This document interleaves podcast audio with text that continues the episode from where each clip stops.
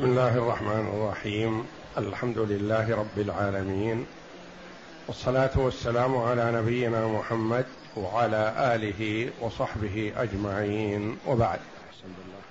أعوذ بالله من الشيطان الرجيم. بسم الله الرحمن الرحيم. ولا يحزنك الذين يسارعون في الكفر. إنهم لن يضروا الله شيئا. يريد الله ألا يجعل لهم حظا في الآخرة ولهم عذاب عظيم. إن الذين اشتروا الكفر بالإيمان لن يضروا الله شيئا ولهم عذاب أليم. ولا يحسبن الذين كفروا أنما نملي لهم خير لأنفسهم ۖ إنما نملي لهم ليزدادوا إثما ولهم عذاب مهين. حسبك. هذه الآيات الكريمة من سورة آل عمران.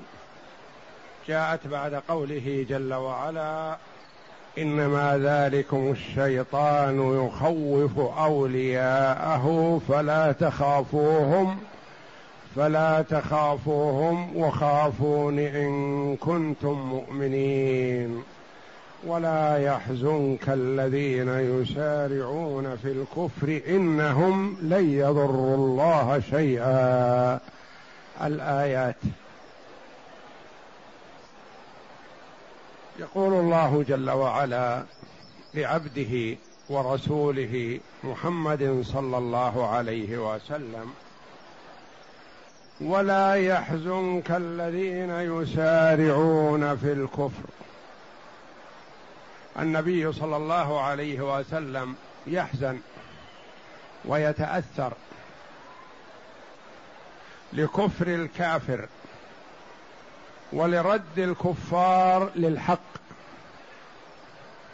ومكابرتهم مع أن الحق واضح جلي وقد وهبهم الله جل وعلا العقول والإدراك والبصيرة. فكان الواجب عليهم أن يسارعوا إلى هذا ويستجيبوا ولا يردوا قوله صلى الله عليه وسلم. وأنه من المعقول لو دعاهم إلى غير الحق لاستجابوا له لأنهم يعرفون صدقه وأمانته وإخلاصه. فكان عليه الصلاة والسلام إذا دعا بعض صناديد قريش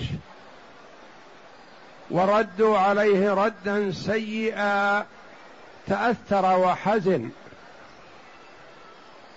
فالله جل وعلا يسليه ويطمئنه بأنك قد بلغت ولم يرد الحق تكذيبا لك وإنما لأن فيهم من الشقاوة ما الله به عليم. فهم ردوا الحق لشقاوتهم لا لتكذيبك ولا لكونك قصرت في التبليغ والبيان والإيضاح. فلا ولا يحزنك الذين كفروا.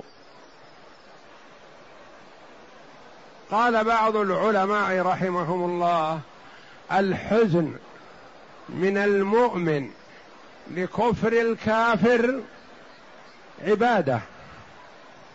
يعني المؤمن إذا رأى من الكافر الإعراض ورد الحق يتأثر. وتلك عبادة لله لأنه ينزعج ويتأثر أن يرد قول الله. يتأثر ويحزن أن يعبد في الأرض غير الله. فتلك عبادة لكن الله جل وعلا نهى رسوله أن يحزن لهذا لأنه تأثر بهذا كثير عليه الصلاة والسلام من شفقته وحرصه على الأمة ورغبته في ذلك كان يتأثر إذا كفر من كفر ممن هم عقلاء مدركون مميزون. فسلاه الله جل وعلا بقوله ولا يحزنك الذين يسارعون في الكفر. يعني كأن الكفر بعيد وهم يسارعون إليه ويسيرون إليه بسرعة يعني يقبلونه ويندرجون ويتبعون نحوه. إنهم لن يضروا الله شيئا. لا تظن. أنهم إذا عبدوا غير الله يضر الله. لا. الله جل وعلا يقول في الحديث القدسي إنكم لن تبلغوا ضري فتضروني ولن تبلغوا نفعي فتنفعوني. ولو أن أولكم وآخركم وإنسكم وجنكم كانوا على أتقى قلب رجل واحد منكم ما زاد ذلك في ملكي شيئا. ولو أن أولكم وآخركم وإنسكم وجنكم كانوا على أشقى قلب رجل واحد منكم ما نقص ذلك في ملكي شيئا. يا عبادي إنما هي أعمالكم أحصيها لكم ثم أوفيكم إياها. فمن وجد خيرا فليحمد الله الذي وفقه ومن وجد غير ذلك فلا يلومن إلا نفسه. اتضح له الحق وتركه واتضح له الباطل وسلكه. والله جل وعلا أقام الحجة بإرسال الرسل وإنزال الكتب ووهب العباد العقول والإدراك. من ليس بعاقل غير مكلف ما يكلف ولا يلزم بعبادة ولا عمل. لكن من وهب الله العقل وأرسل الرسل وأنزل الكتب لإقامة الحجة فلا حجة له على الله حينئذ. إنهم لن يضروا الله شيئا. فالله جل وعلا ما يناله من عباده الضرر كما أنه جل وعلا لا يناله من عباده النفع. وإنما هو جل وعلا الضار وهو النافع سبحانه وتعالى. إنهم لن يضروا الله شيئا وشيئا نكرة. يعني أي شيء يريد الله ألا يجعل لهم حظا في الآخرة. وهذه الإرادة ما هي؟ الإرادة الكونية القدرية. وليست الإرادة الدينية الشرعية فالإرادة إرادتان. الإرادة الكونية القدرية يعني ما في الكون شيء إلا وأراده الله جل وعلا. كفر الكافر أراده الله جل وعلا كونا وقدرا. إيمان المؤمن أراده الله جل وعلا كونا وقدرا. والإرادة الدينية الشرعية ملازمة للمحبة. والإرادة الكونية القدرية لا بد أن توجد. يوجد المراد منها لا بد. الله جل وعلا أراد كفر هذا العبد يكفر ولا بد. أراد إيمان هذا العبد يؤمن ولا بد. أراد الله أمرا ما إرادة كونية قدرية لا بد أن يوجد. إرادة دينية شرعية قد توجد وقد لا توجد. فالله جل وعلا أراد وأحب من العباد أن يعبدوه وحده لا شريك له. منهم من عبده ومنهم من أبى وكفر. فمن كفر خرج عن الإرادة الشرعية. لكنه ما خرج عن الإرادة الكونية القدرية لأن الله جل وعلا يعلم هذا أزلا منه أنه يكفر.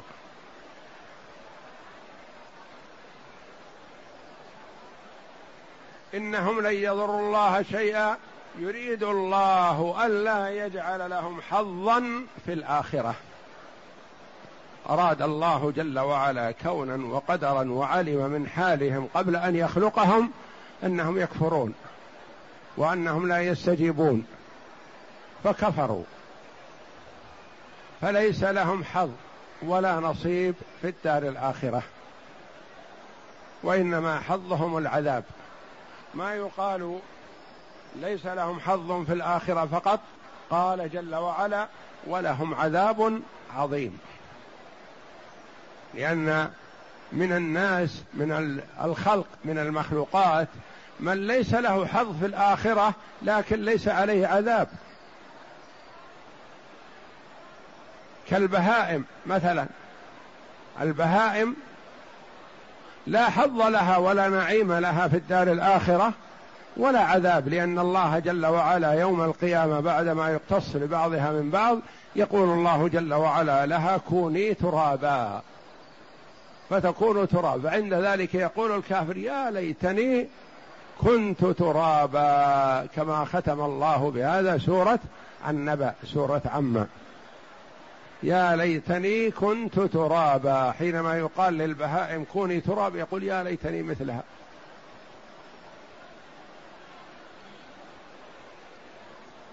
يريد الله ألا يجعل لهم حظا في الآخرة ولهم عذاب عظيم عذاب شديد. ليس بعذاب هين أو يحرمون من النعيم فقط ويكفيهم هذا لا بل يعذبون لأن الله جل وعلا دعاهم إلى الإيمان به وأعطاهم وأنعم عليهم وتولاهم بلطفه ورحمته من أن يوم أن كانوا نطف إلى أن توفاهم. وهو يتولاهم جل وعلا برعايته والإنعام عليهم والعطاء والعافية ودعاهم جل وعلا إلى الإيمان به فأبوا. فاستحقوا هذا العذاب العظيم والعياذ بالله.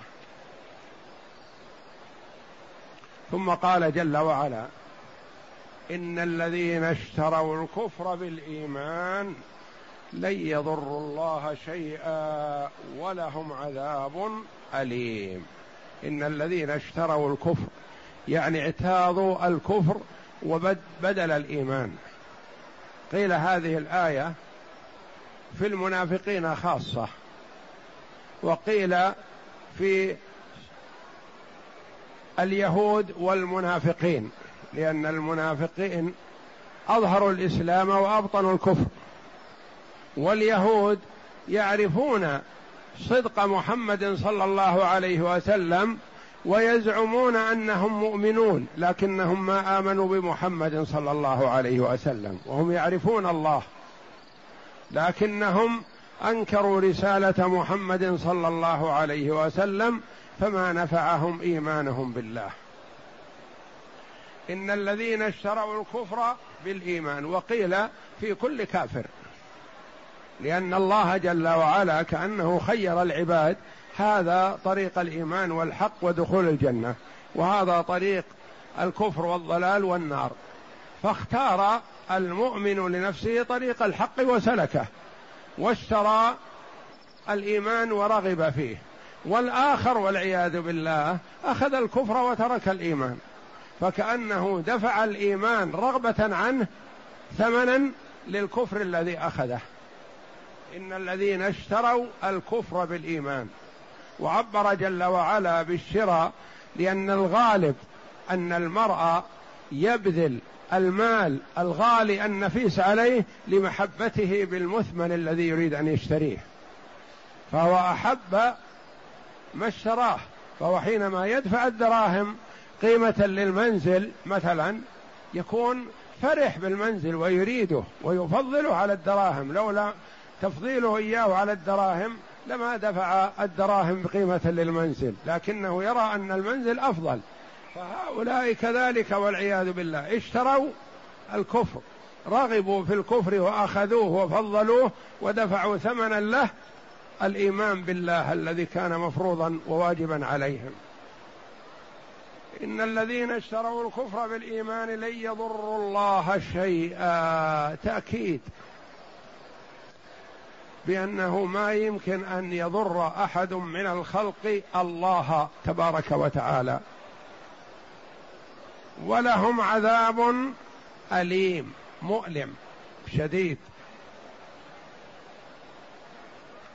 ثم إن الكافر والعياذ بالله قد يقول أرى كثيرا من المؤمنين فقراء ومرضى.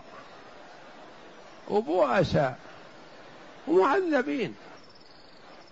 ويقول عن نفسه إنه في نعمة وصحة ومال وولد وجاه ويأمر وينهى ويتسلط. يقول أنا أفضل من هؤلاء. قد يغتر بنفسه ويقول أنا أفضل من هؤلاء. أنا أفضل منهم في الدنيا وإن كان هناك بعث فأنا سأكون كذلك مثل مقدم عليهم. كما قدمت عليهم في الدنيا فهؤلاء أقدم عليهم في الآخرة. إن كان هناك آخرة وإلا فلا يؤمن بالآخرة. فرد الله جل وعلا عليه زعمه هذا وحسبانه. وقال تعالى ولا يحسبن الذين كفروا انما نملي لهم خير لأنفسهم. وفي قراءة ولا تحسبن يعني يا محمد أو من يتأتى منه الحسبان. ولا يحسبن الذين كفروا أنما نملي لهم خير لأنفسهم. لا يظنون أننا نعطيهم من المال والولد والجاه والسمعة عند الناس والتقدير والمنزلة والمرتبة ما نعطيهم هذا إكراما لهم وإنما نملي لهم نمهلهم. والله جل وعلا يمهل ولا يهمل. ولو كانت الدنيا تزن عند الله جناح بعوضة ما سقى كافرا منها شربة ماء. فالله يعطي الدنيا من يحب ومن لا يحب. لا قيمة لها عند الله. والآخرة عند ربك للمتقين. ولا يحسبن الذين كفروا أنما نملي لهم خير لأنفسهم. يقول عبد الله بن مسعود وغيره من الصحابة رضي الله عنهم ما من نفس منفوسة إلا والموت خير لها.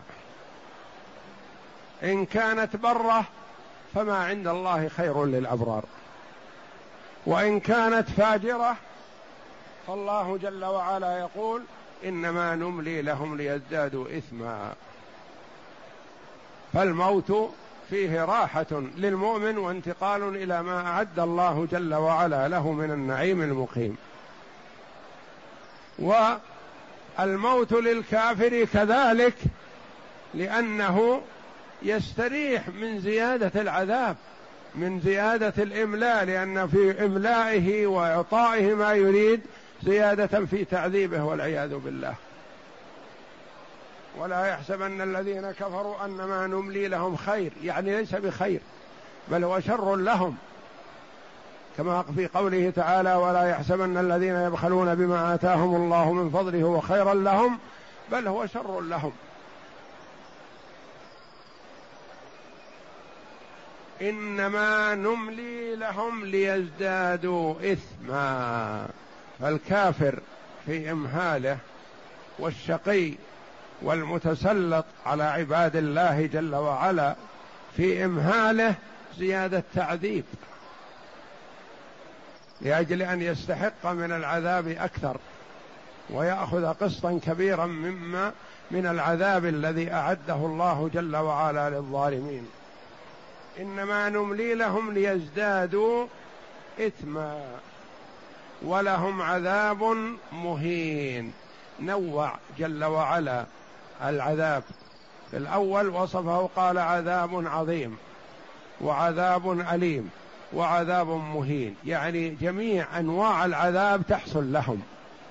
لأن من العذاب مثلا من هو موجع. ما هو موجع؟ وجع. لكن ما في إهانة. ما في إهانة. لكن ومن العذاب من هو أقل وجعا أحيانا لكن فيه إهانة أشد.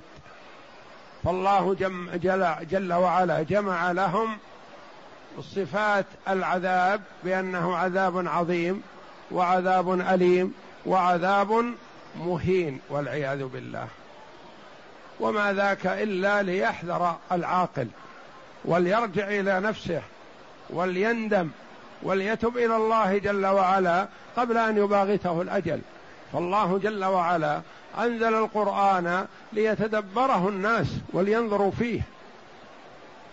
وكفار قريش الذين كانوا أشد الناس عداء لمحمد صلى الله عليه وسلم كانوا يتلذذون بالقرآن بسماع القرآن وتأمله لأنه فصيح بليغ ما يستطيع البلغاء أن يأتوا بمثله. فكانوا يتلذذون بسماع القرآن ويكفرون بمحمد صلى الله عليه وسلم. فالقرآن واضح جلي أقام الله جل وعلا به الحجة على العباد. ما يمكن أن يقول عبد ما تبلغت أو ما علمت. وإنما أقيمت الحجة على العباد كلهم بمحمد صلى الله عليه وسلم وبالكتاب المبين الذي أنزله الله جل وعلا عليه ولو كان من عند غير الله لوجدوا فيه اختلافا كثيرا. يعني حاولوا وعجزوا أن يأتوا بمثله ولا بعشر سور من مثله ولا بسورة واحدة من مثله ما استطاعوا. فأقام الله جل وعلا على بهم عليهم الحجة بهذه الآيات العظيمة.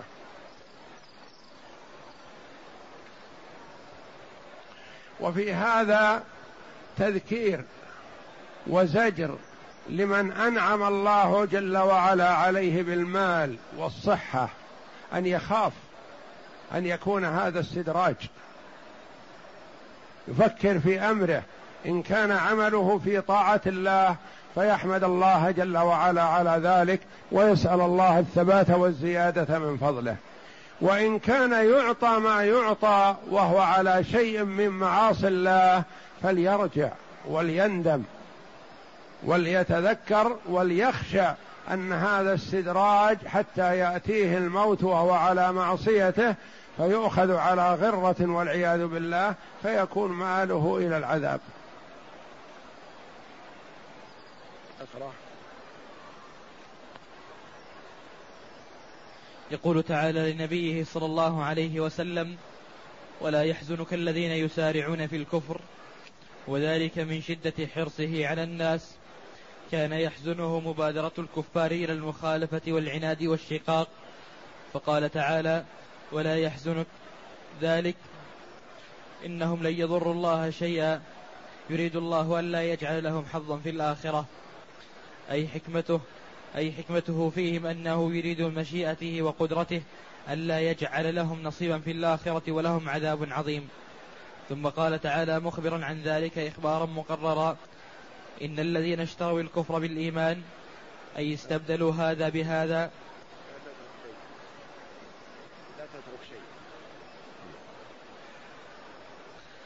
أي استبدلوا هذا بهذا لن يضروا الله شيئا.